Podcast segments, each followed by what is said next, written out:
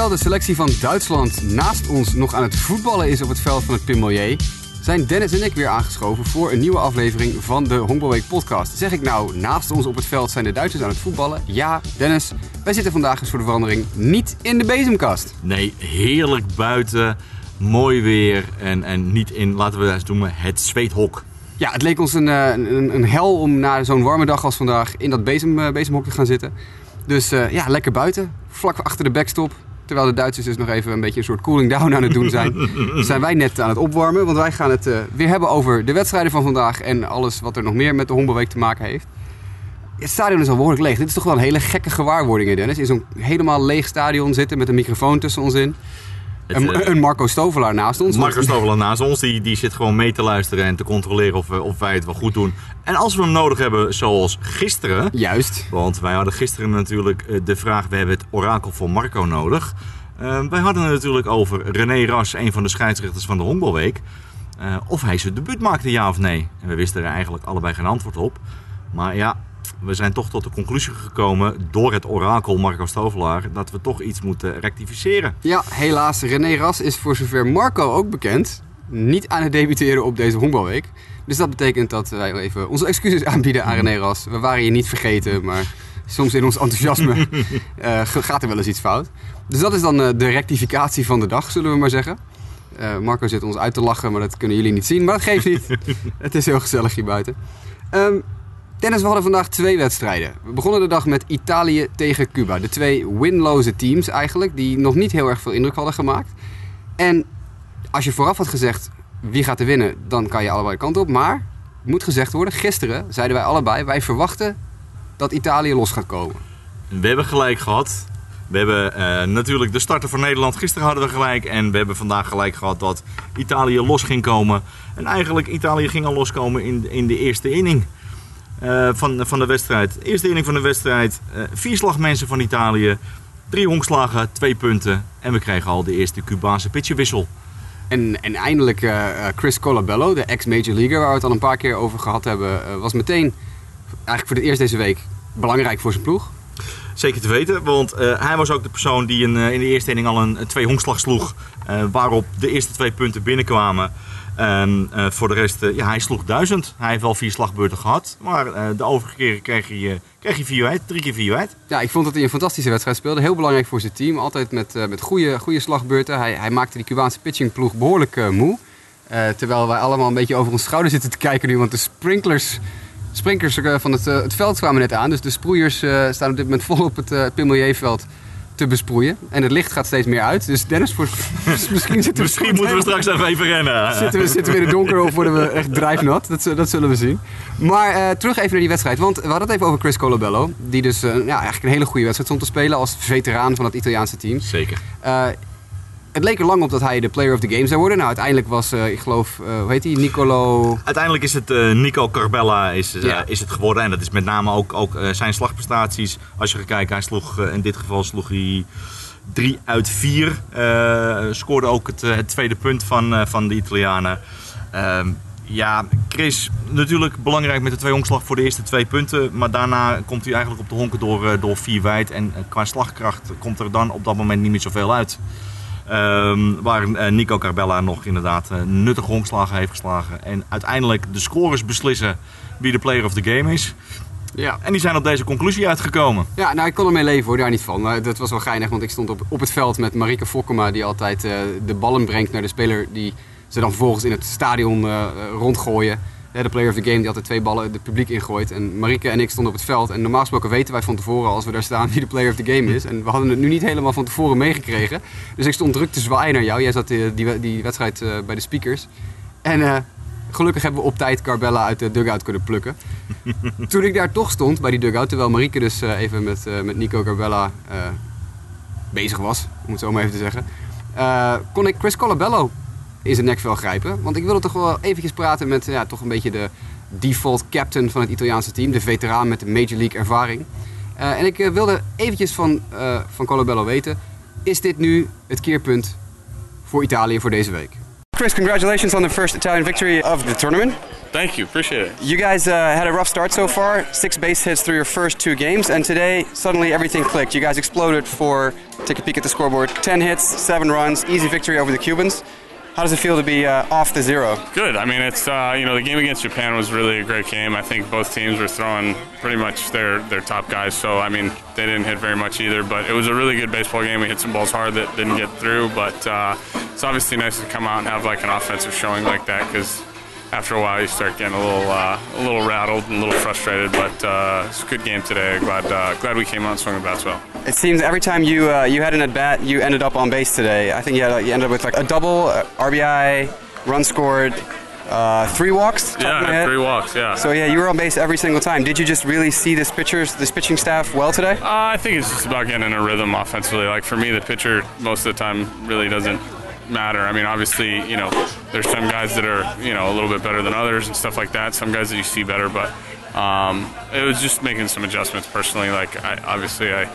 I, uh, I played in the Cup of Champions, you know, here in Rotterdam uh, about a month ago, and then went back home, and then came back to start playing in Italy like last week. So, uh, the more at bats I get, I think the better it's going to be.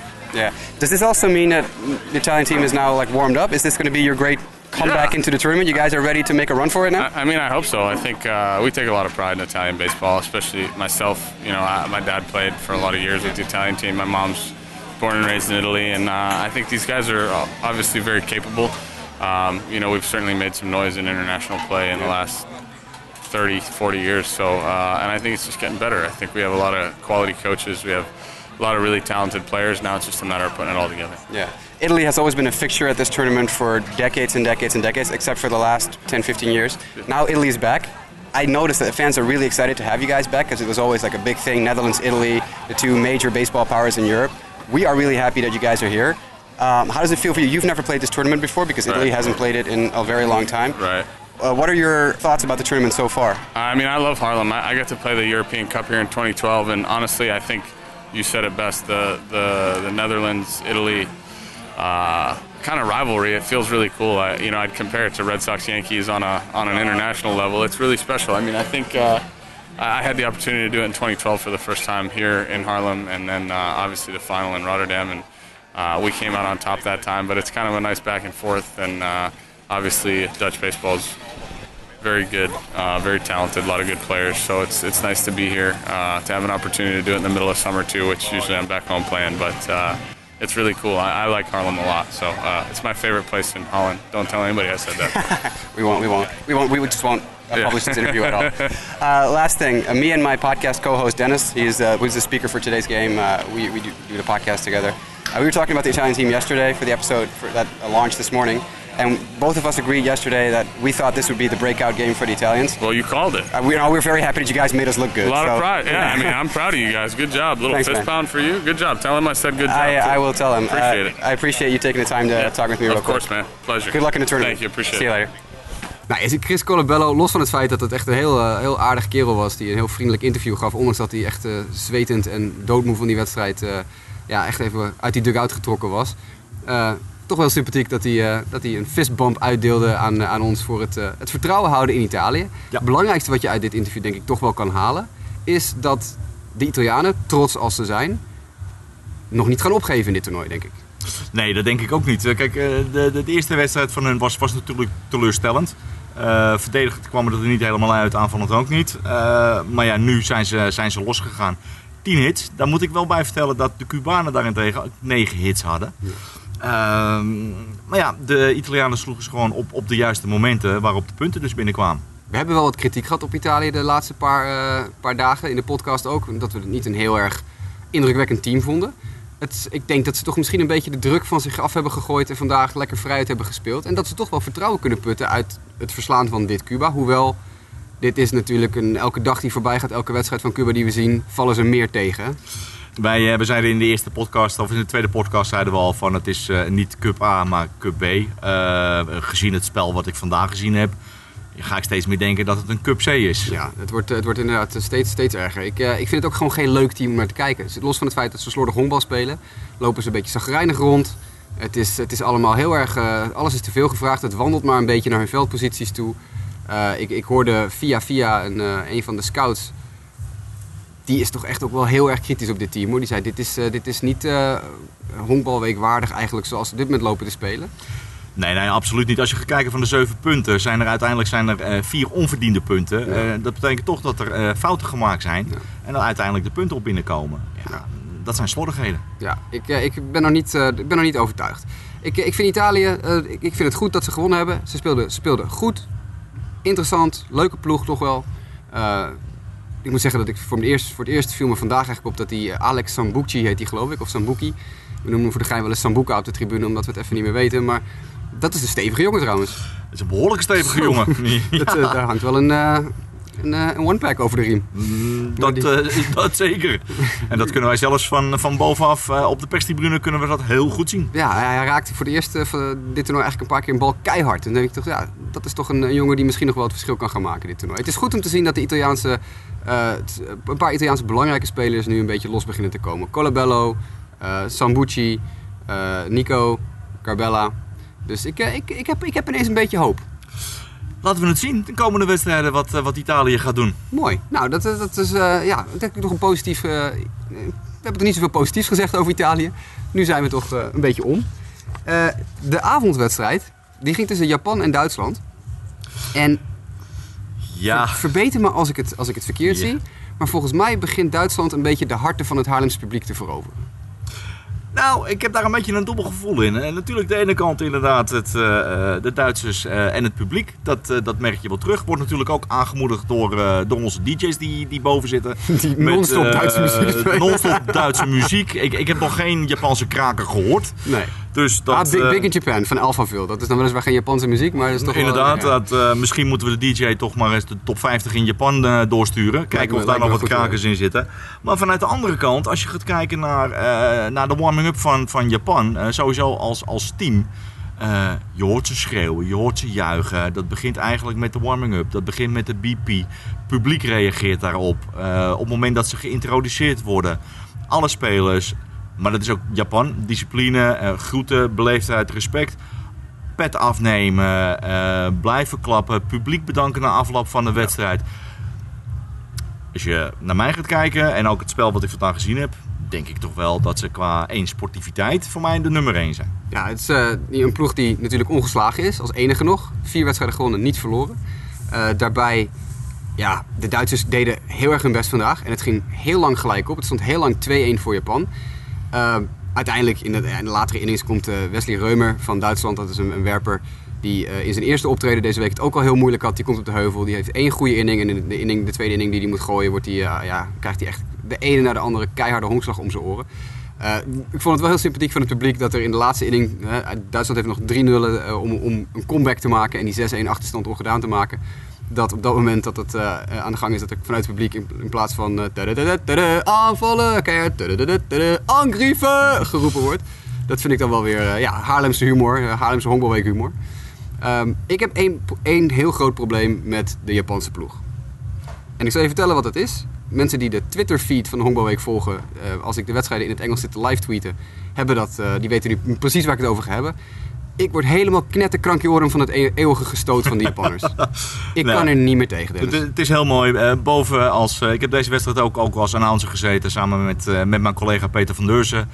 En wij zeiden meteen al, we gaan nu stoten. En we gaan nu weer stoten. Het, het wordt eentonig. Het is te voorspelbaar wat, wat de Japanners gaan doen. Op het moment dat het eerste honk, eh, dat ze erop staan, je weet, er komt een stootslag om ze in scoringspositie te brengen. Ja, en ongeacht het moment van de wedstrijd en ongeacht de situatie met de nullen of in de, of in de count. In de eerste vier innings hebben de Japanners drie keer een opofferingsstootslag neergelegd. En drie keer was dat met nul uit in de inning. Ja. In de eerste inning met nul uit en een loper op het eerste honk wordt de tweede slagman in de lijst, wat toch over het algemeen een goede slagman is, wordt opgeofferd. Er wordt eigenlijk gewoon, ik heb het van de week ook al een keer gezegd, je geeft een nul cadeau. Terwijl je een pitcher toch eigenlijk een beetje bij de strot hebt. Meteen de eerste lead-off hitter van Japan kwam volgens mij met vier wijd op het, uh, op het Vier wijd op het honk. Komt hij verder door een, uh, door een opofferingsstootslag. En dan zie je de nummer drie op de slaglaag Sato. Die slaat een twee honkslag. Um, als ze de opofferingsstootslag niet hadden gedaan, had hij ook gescoord. Ja, en de kans dat je die Japanners een dubbelspel om de oren slaat is heel klein. Want die jongens zijn allemaal zo vreselijk snel dat je wel een heel razendsnel dubbelspel moet kunnen draaien. Wil je in zo'n geval een dubbelspel hebben. Dus ik, ik, ik hou gewoon niet. Het is echt niet zo dat ik tegen stootslagen ben. Ik tweette voor de gein het uh, t-shirt wat uh, te koop is uh, ergens op internet. Don't bunt, hit dingers. Uh, dat is op zich natuurlijk ook wel een filosofie Ja. waar ik me wel in kan vinden. Maar dat eeuwige gestoot met lopers op één, er nul uit in de inning. Als je in de eerste of tweede of derde of vierde inning van een wedstrijd zit. Ik begrijp daar niets van. En ik word daar ook persoonlijk een beetje verdrietig van. Nou ja, weet je wat je ook ziet in de, in de wedstrijd? Als je gaat kijken, het aantal mensen wat achtergebleven is op de honk bij, bij de Japanners. Dus in deze wedstrijd is ook tien stuks. Ja. Dus ze laten gewoon nog tien man laten ze even Precies. nog achter. Ja, het is echt. Het, het, het, tuurlijk, het werkt. Hè. Terecht wat je zegt, we gaan stoten, we gaan stoten. We weten dat het komt en we weten dat het vaak ook werkt bij de Japanners.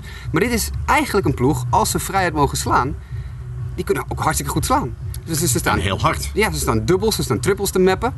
Waarom laat die gasten niet gewoon, laat ze gewoon slaan? Dit is toch geen, dit is geen toernooi dat je met eh, vier wijd, stootslag, vier wijd, stootslag wil gaan winnen. Dit wil je toch winnen met, met interessant aanvallend honkbal? Eh, ja, lijkt mij wel. Maar ja, je weet natuurlijk niet wat de gedachtwijze is, de denkwijze is van, eh, van de manager erachter. Misschien een mogelijkheid om hem, eh, kijken of we een poging kunnen krijgen om hem te interviewen met hulp eh, van, eh, van de tolk. Van de tolk, ja. Want eh, dat zal, ik weet niet hoe jouw Japans is, maar mijn Japans is redelijk vloeibaar. Dat, dat van mij houdt op rond de, nigiri en de urimaki van de sushi-restaurant op de hoek hier. Dus, eh, Hi, inderdaad. Ja, dus, dus, misschien is dat wel interessant om, om erachter te komen van waarom. Waarom deze, deze ja, kort spel. En Ja. waarom niet gewoon laten slaan. ja, ik vind het ook een beetje een ge- een gebrek van, van vertrouwen in je, naar je team. Want die jongens kunnen gewoon goed slaan. Laat ze gewoon slaan. We hadden het zelfs later in de wedstrijd dat een van die Japanners eh, met drie slag naar de kant ging. Omdat hij met twee slag ook ge- gevraagd werd om te stoten. En dan stootte die bal fout. Ja, dat ben je toch gewoon... Dat is... Nee. En dat was, dat was ook nog... Was, volgens mij was dat Ito. Was dat... eh, Ito, Ito, goed, Ito had, eh, had natuurlijk, die heeft niet veel geslagen deze, deze wedstrijd. Hij begon, eh, de eerste slag begon hij al met drie slag. Maar ja, dan krijg je inderdaad ook, er komt weer een loper op, eh, op het honk, op de slagbank op het honk met, met vier wijd. En weer stoten, maar dan inderdaad de derde slagbal fout stoten. En, en ja, daar ben je dan uit. Dan wordt hij gewoon gerekend als drie slag. Het is gewoon weggeven. En het is weggeven. Ja. Eh, Even naar Duitsland, want we hebben nu uitgebreid Japan. Nogmaals, Japan, heel goede ploeg, degelijke ploeg. Best leuk om naar te kijken in dit veld. Ik vind het aan slag tactisch gezien niet leuk. Maar Duitsland, die natuurlijk een beetje pech hebben deze week. Want die spelen eigenlijk best wel leuk honkbal zo nu en dan. Maar ze, ze komen gewoon niet ver genoeg om die overwinning uit het vuur te slepen. Sascha Koch, de Duitse starter, vond ik eigenlijk, als je kijkt hoe goed die Japanse slagploeg is, best een goede wedstrijd gooien. Nou ja, hij heeft, eh, hij heeft zes volledige inningen gegooid. En, en uiteindelijk eh, werpcijfers, eh, vier keer drie slag, drie keer verwijt, zes honkslagen. en een foutloos veld. Op zich is het niet verkeerd. Ja, en die Duitsers hebben best wel wat moeite met die pitching stuff. Dat zag je ook later aan die Wesley Reumer, die ook nog ja, die toch behoorlijke klappen krijgt. Ehm, daarnaast goed veldspel. Alex Schmid, de tweede honkman van de Duitsers. Twee geweldige plays in één inning. Eén keer kon hij de nul niet maken, maar stopte hij in ieder geval de bal.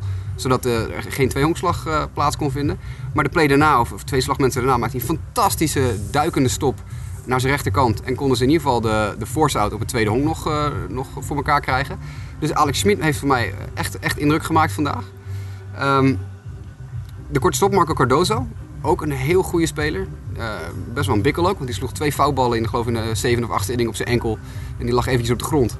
Maar eh, heeft toch de wedstrijd uitgemaakt. Dus die Duitsers hebben best een paar leuke spelers erin zitten, denk ik.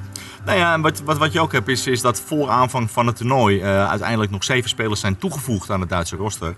Eh, waar er uiteindelijk ook drie, drie Duitse pitchers nog bij zijn gekomen. Omdat toch de betere pitchers door blessures tijdens het toernooi hier moesten afhaken. Ik ben heel benieuwd als die spelers hier op het toernooi aanwezig waren geweest. Wat Ja. we dan voor wedstrijd hadden gezien. Ja. Ja, nou, ik vind het in ieder geval eh, ja, het is, ik vind het een, een best een, een leuk team. En ik hoop dat ze nog een, eh, ja, een, een leuk einde aan hun toernooi kunnen krijgen. Het zal, het zal niet, eh, tegen Japan zal het niet moeten gebeuren voor deze ploeg, denk ik. Nee, nee, absoluut niet. Maar we, we gaan het zien, de volgende wedstrijden. Ja, en, en terwijl wij hier zitten te praten, horen, misschien horen de luisteraars het ook wel op de achtergrond, de beats van de, de partytent. Maar als je heel goed luistert, dan hoor je nu het trompetje. En dat betekent dat de minuut van Marco eraan komt.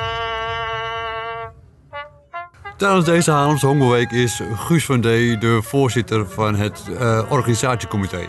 Maar de beginjaren van de Haarlemse Hongerweek stonden onder leiding van Gerard Voogd uit Bloemendaal. Een iets wat gezette man die afspraken maakte met de eh vertegenwoordigende teams in een barretje van een hotel. En dan vaak terugkwam naar het bondsbureau of naar het bondsbestuur met een handtekening op een bierviltje. Eh, tijdens een van de honkbalweken eh, was het aan Gerard Voogd om de ceremoniële eerste bal te gooien voor de openingswedstrijd. De heer Voogd beklom de heuvel, maakte zijn wind-up, zijn pitchbeweging. En in plaats van dat de bal keurig in de handschoen van de catcher terugkwam, rolde de heer Voogd van de heuvel af. En de vraag is nog steeds of dat nou kwam omdat hij zich verstapte op de heuvel... of dat hij zich misschien toch wel een beetje meer moed had ingedronken.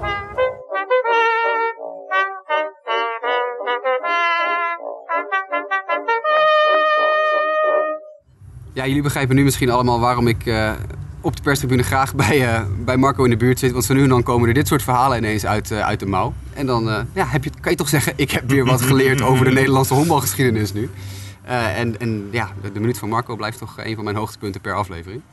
Um, Dennis, morgen, of beter gezegd, la, laat ik het anders stellen, dinsdag. Dinsdag. Ja, want voor de luisteraars, uh, wij Precies. zitten nu op maandagavond en uh, op het moment dus dat hij online staat is het, is het dinsdag. Morgen om twee uur hebben we de wedstrijd uh, Chinese Taipei-Italië. Um, ja, heel erg benieuwd hoe, hoe de Italianen nu, nu gaan spelen. Gaan ze dit spel vasthouden? Nieuwsgierig. Ik zei, gisteren, ik zei vanavond uh, tijdens het omroepen uh, de kraker Nederland-Cuba. Ja. Uh, maar ja, Toen werd er meteen heel gek naar je gekeken. Heel gek naar werd er naar me gekeken. hij was ook zeer sarcastisch bedoeld. Ja. ik zei het net al, ik heb het gevoel dat we Cup C hier hebben. Ja. Ehm, het is jammer, want morgenavond, dus de dinsdagavond, is het een uitverkocht stadion. Ehm, en dan, ja, het spel wat Cuba nu heeft laten zien, Nee. het is eigenlijk, eigenlijk dan teleurstellend. Persoonlijk hoop ik gewoon dat Nederland er de kaart opklapt. Als ik heel eerlijk ben. Gewoon- Dat hoop ik ook. Gewoon eh, flink slaan, eh hoop punten en, en gewoon eh, veel vermaak voor het publiek. En dan moet het een hoop goed maken. Ja, dinsdag eh, gehaktdag. Inderdaad. Lijkt me prima. hey, wie gaat er starten voor Nederland? De vorige keer hadden we het goed. Vorige keer hadden we het goed. Ehm eens even kijken. Ehm, ik heb het idee dat we naar Kevin Heijstek toe gaan. Ik, ik keek even naar Marco heel sneaky terwijl jij zat te praten. En ik kon kijken of, je dan, eh, of ik jou dan een hak kon zetten en dat je kon verslaan. Helaas kon ik Marco niet verstaan. Dus Marco? Marco denkt Misha Harksen. Meestal heeft Marco daar weer een gelijk. Maar ja, eh, de tip van, eh van Heijstek, die heb ik ook van Marco Oh. gisteren gekregen. Oh. Dus Oh. het wordt nu wel heel nieuwsgierig wat wat er je, gaat zit- ik gebeuren. zie wat je zit te doen, Stovelaar. Dit is, eh, dit is heel sneaky. Ik vond het trouwens wel leuk, nu we Misha Harks even noemen. Er was een aantal spelers van het Nederlands team waren in de house vandaag voor een tijdje tijdens de, de avondwedstrijd. Eh, ik, ik kon even niet zo snel zien wie dan, maar ik heb heel in de verte heb ik Roelie Henrique zien lopen. Twen Kemp. Uh, Dwayne Kemp heb ik inderdaad ook gezien. En uh, Misha Harksen zag ik ook in het publiek zitten.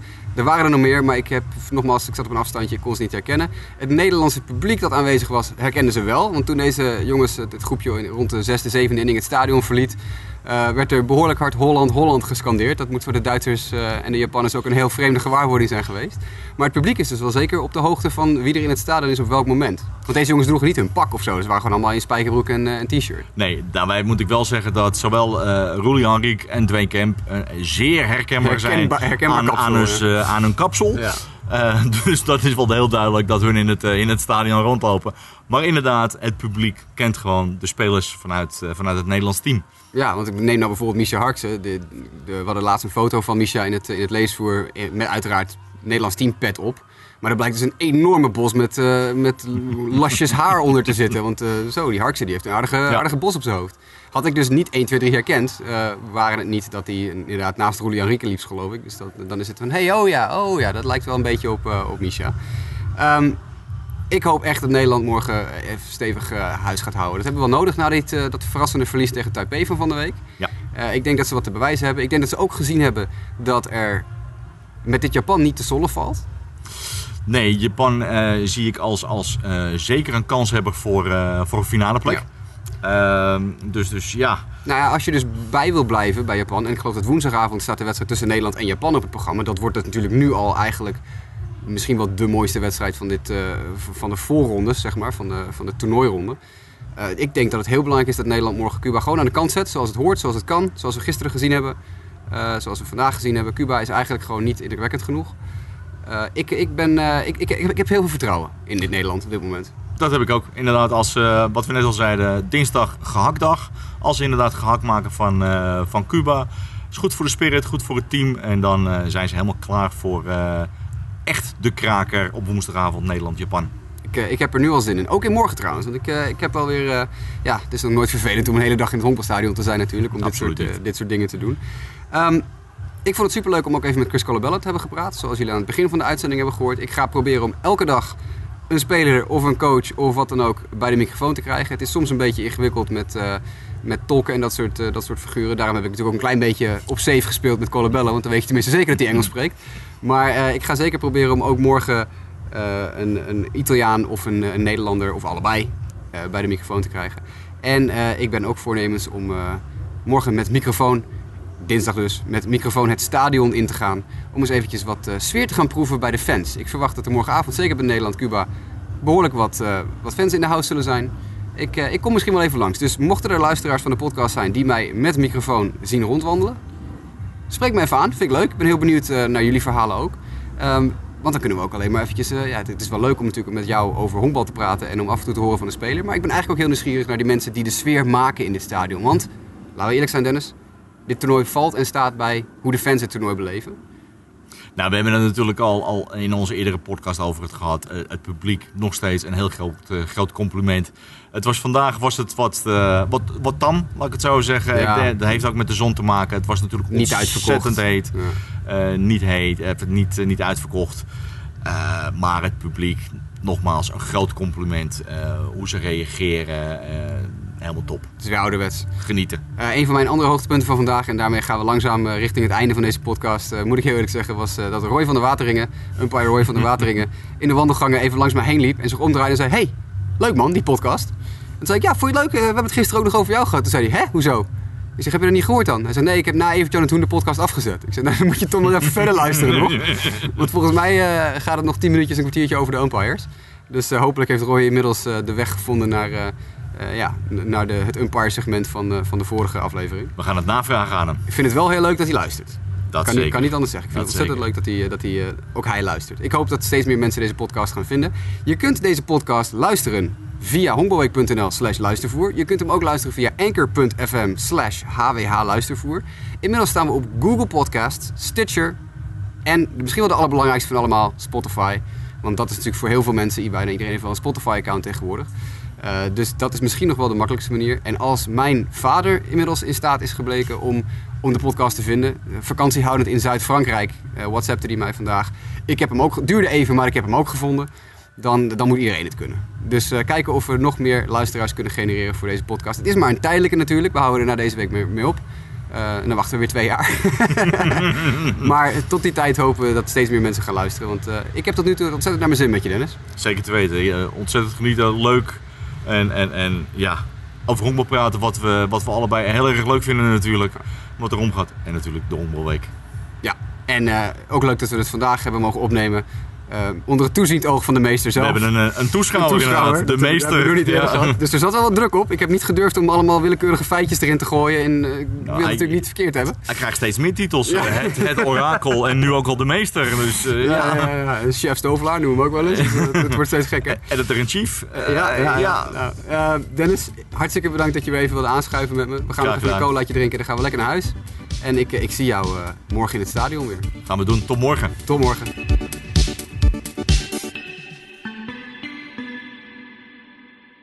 Kan het er nog mee door tot nu toe? Ja, ja, zeker. Ja. Vind je het vermakelijk? Ja, ja. ja.